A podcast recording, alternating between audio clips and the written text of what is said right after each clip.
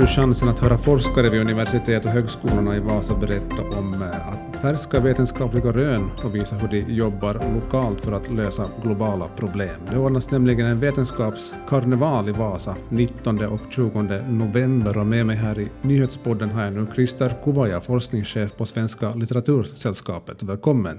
Tack så mycket! Eh, om vi riktigt börjar med att eh, du får så här inledningsvis berätta att varifrån kommer idén om en vetenskapskarneval och varför vill ni på SLS ordna ett sådant evenemang? Det var så att vi hade det där ett, ett program på, på det här vetenskapsfestivalen i Göteborg våren 2019 och jag var där med några kollegor och, och, det där, och följde med programmet uh, i dagarna tre där. Och uh, sedan när vi kom hem därifrån i Göteborg så började jag fundera att skulle det vara möjligt att ordna något liknande här i Finland, att, att vi har inte den här typen av festivaler där man går ut, går ut så att säga till allmänheten och, och rör sig i sådana i såna salar och på sådana ställen där, där, där människorna, människor, vanliga människor rör sig. Alltså.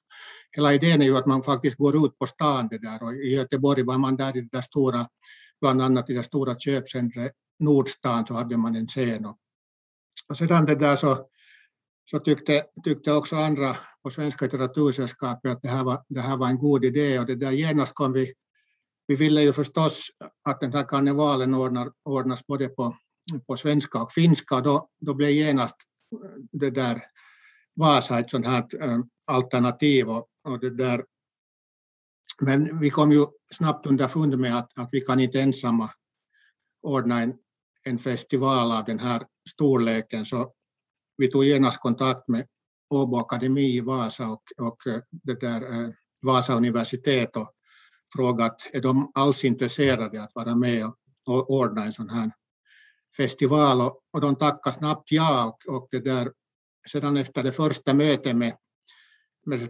representanter från de här båda universiteten så, så kom vi fram till att ja, vi bjuder in alla, alla det där alla det där universitet och högskolor som är, som är verksamma i Vasa och, och, och frågar att om de är också intresserade att, att delta i planeringen av den här festivalen. Och, och, och alla, alla, alla tackar ja och, och det där en planeringsgrupp har bestått av alla, alla de, de universitet och högskolor som är också yrkeshögskolor som är verksamma då i, i Vasa. Det där. Och, och ganska snabbt äh, kom vi fram till att vi vill inte ha samma namn som i Göteborg, mm. det Vetenskapsfestivalen, utan vi ville, ville kalla den då för äh, vetenska, Vetenskapskarnevalen i Vasa. Ja. Så det här är liksom bakgrunden till det hela. Mm, precis. Det är ett väldigt digert program under två dagar. Jag läste någonstans 80 programpunkter under, under fredag och lördag. Här att um, det, det, visar ju förstås också faktiskt hur mycket forskning som bedrivs också så här i, i lokalt i Vasa och i, i svensk Finland. Det är kanske någonting som vi kanske inte alla gånger tänker på att så är fallet. Hur har ni tänkt då ni plockat ihop det här programmet? Skulle du säga att det finns någon röd tråd eller? Det första så har vi ju, det där ville vi ha teman för alla de här, det här, de som uppträder där och vi har ju om jag kommer rätt ihåg, nu, fem, fem olika teman det där, eh, i den här karnevalen. Och, och det där, tanken var ju förstås det att, att vi vill jo, svenskspråkiga forskare men också forskare från, från finskspråkiga universitet och det där. Vi riktar oss faktiskt inte bara till, vi gav inte möjlighet bara för forskare i Vasa att uppträda på karnevalen, utan vi riktar oss eh, en förfrågan till faktiskt alla universitet i Finland om, om, de, om de är intresserade att, eller någon forskare, någon forskare från, från de universiteten också är intresserade av att uppträda i Vasa. Nu blir det ju de facto så att det där, de flesta forskare som uppträder där i Vasa så, så har faktiskt studerar faktiskt i Vasa, men det är nog en hel del också från andra, andra universitet. Så, mm. så det, där, det var vår, vår tanke. Har du själv någon personlig favorit i programmet? Där finns nog allt möjligt, så att det där jag är nog intresserad. Jag är ju, jag är ju själv det där historiker och, och mm. förstås så, så det där, äh, intresserade mycket det här, kanske nu i alla fall mest det som berör humaniora, men där är många, många intressanta, intressanta det där föredrag och, och det där evenemang från, från det där, eh, som berör också andra, andra discipliner. Och hela, hela idén med det här är ju det att, att forskarna, forskarna ska alltså eh, det där, hålla sina föredrag så att, att, att det är lätt att, att det där hänga med eh, de ska alltså popularisera sina föredrag så att, så att publiken verkligen inte, inte får skrapa sig i huvudet och undra vad det här betyder, utan det, man ska komma lätt ut med sin forskning så att säga.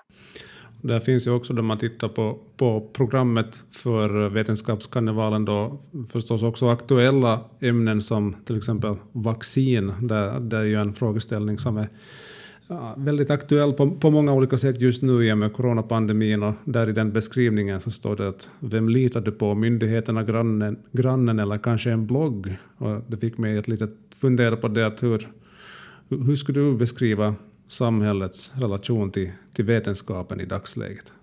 Ja, det där, jag tror att man nog, man nog litar ganska mycket det där på, på det som görs, görs inom forskningen. Och det där man måste komma ihåg att, att det finns ju alltid skeptiker, men, men det där, det, de utgör ju en, en liten procent av alla invånare i Finland. Så att det där, jag, jag är nog inte, inte på det sättet, sättet orolig det där för att allmänheten inte skulle, skulle så att säga lita, lita på forskningen. Men samtidigt så tycker jag också att, att det finns det inte, man behöver inte heller se det som något negativt att, att allmänheten reagerar. Det, det, det hör till och det för också forskningen framåt och till och med kan göra det att man börjar, börjar, börjar tänka, tänka i andra, andra banor. Att det där, man måste också se det på det här sättet. Mm, exakt. För det är lite det som är vetenskap och forskning, att det, det, man försöker utmana andras idéer hela tiden för att sen komma fram till ja, en forskare kanske kan sen i slutändan ha en så pass stark teori att man står där med Nobelpriset i handen. Alldeles, och det där, men samtidigt så, så det där har ju framförallt finansiärerna också inom universiteten nog börjat betona det här allt mer, att, att man måste också, forskarna måste också nå ut till allmänheten så att säga. Man, det negativa som har förekommit här tidigare och där, där nu en ändring har skett och, och, och sker fortfarande, så just det här att man, man, det där, uh, man bedrev forskning för andra forskare så att säga. Mm, och det, mm. det, är ju inte bra, utan det här just att, och det betonar också Svenska litteratursällskapet kraftigt det här att, att, att nå ut till, till allmänheten med sin, med sin forskning och skriva på ett sådant sätt att allmänheten förstår vad man, vad man säger. Um, tycker du överlag att det, då, det, då man berör stora frågor som, som vaccin eller ehm, klimatförändring eller hållbarhet, som jag också så fanns representerat här i Vetenskapskarnevalens program, att tycker du att det på något vis är särskilt viktigt att lyfta fram vetenskapen och, och dess innebörd för världen just nu i dessa tider? Eller? Ja, det tycker jag nog, och det där, därför det är bra att, att, att där på karnevalen också just de här de här eh, temana som du nämnde tas upp, att det är sådana dagsaktuella frågor och det, det har ju också med, att göra med det att, att, att sådana här frågor lockar ju också publik och vi vill ju gärna ha, ha det där eh, mycket folk på plats det där, vid våra, våra det där, äh, tillfällen där. Så att det där, äh, och jag tycker att det är viktigt att, att just att, att forskare får, får det där, framför, just det där, lyfta fram sådana saker som är mycket aktuella nu i dessa tider för, för allmänheten och hur forskningen sy, ser på de här frågorna. Det, där, det, det tycker jag är mycket, mycket positivt. Hör om du får så här avslutningsvis möjlighet att dra en slutpitch för de som lyssnar och, för som, som lyssnar och funderar på att ska man göra rum i kalendern för Vetenskapskarnevalen fredag och lördag, hur, ska man, hur kan man delta och, och varför ska man delta? Alltså det där, nu är det ju så att, att att vi eh, strömmar från två scener, så man kan följa med oss också på, på nätet det där, men äh, från två salar så strömmar vi inte, så att där, där kan man följa med bara programmet live så att säga. Och det där, eftersom nu coronasituationen ändå så här pass, mm, ska vi säga, relativt bra där i Vasatrakten och, och det där många, många är vaccinerade gånger, somliga tre gånger, så hoppas vi ju förstås på att, att många, många kommer att, att följa med oss också, också på plats. Och jag, jag, tycker att det där, man får ju nog mera ut av det att man är på plats. Det måste, Det måste jag ju nog säga. Och det där, eh, för forskarna själva mycket tacksamt om, om, om det där folk vill komma på plats. Och så måste man komma ihåg det att det här ordnas, kommer vi inte ordna årligen. Vi planerar nog att, det där, eh, att, att ordna en festival igen om två år. Men det här är en, en unik möjlighet att, att följa med den forskning som görs, görs det där uh, så här populärt och som, som det där uh, är dagsaktuell. Bra. Tusen tack, Krista Kuvaja, och lycka till med de sista förberedelserna inför vetenskapskarnevalen. Jo, tack så mycket. Det var trevligt att, att delta i den här podden. Där hörde vi Christer Kubaja som är forskningschef på Svenska litteratursällskapet. De är också arrangör för karnevalen och eh, gör den i samarbete med bland annat flera universitet och yrkeshögskolor. Det är gratis att delta och om man inte har möjlighet att närvara vid de här olika scenerna så kommer HSS Media att sända live på alla tre sajter. Vasabladet, Österbottens Tidning och Sydin från två scener. Det är Stadsbibliotekets dramasal och köpcentret Rebell. Streamen kommer att vara öppen för alla. Mitt namn är Patrik Sjöholm. Tusen tack för att du lyssnade på det här avsnittet av nyhetspodden Bakom rubrikerna.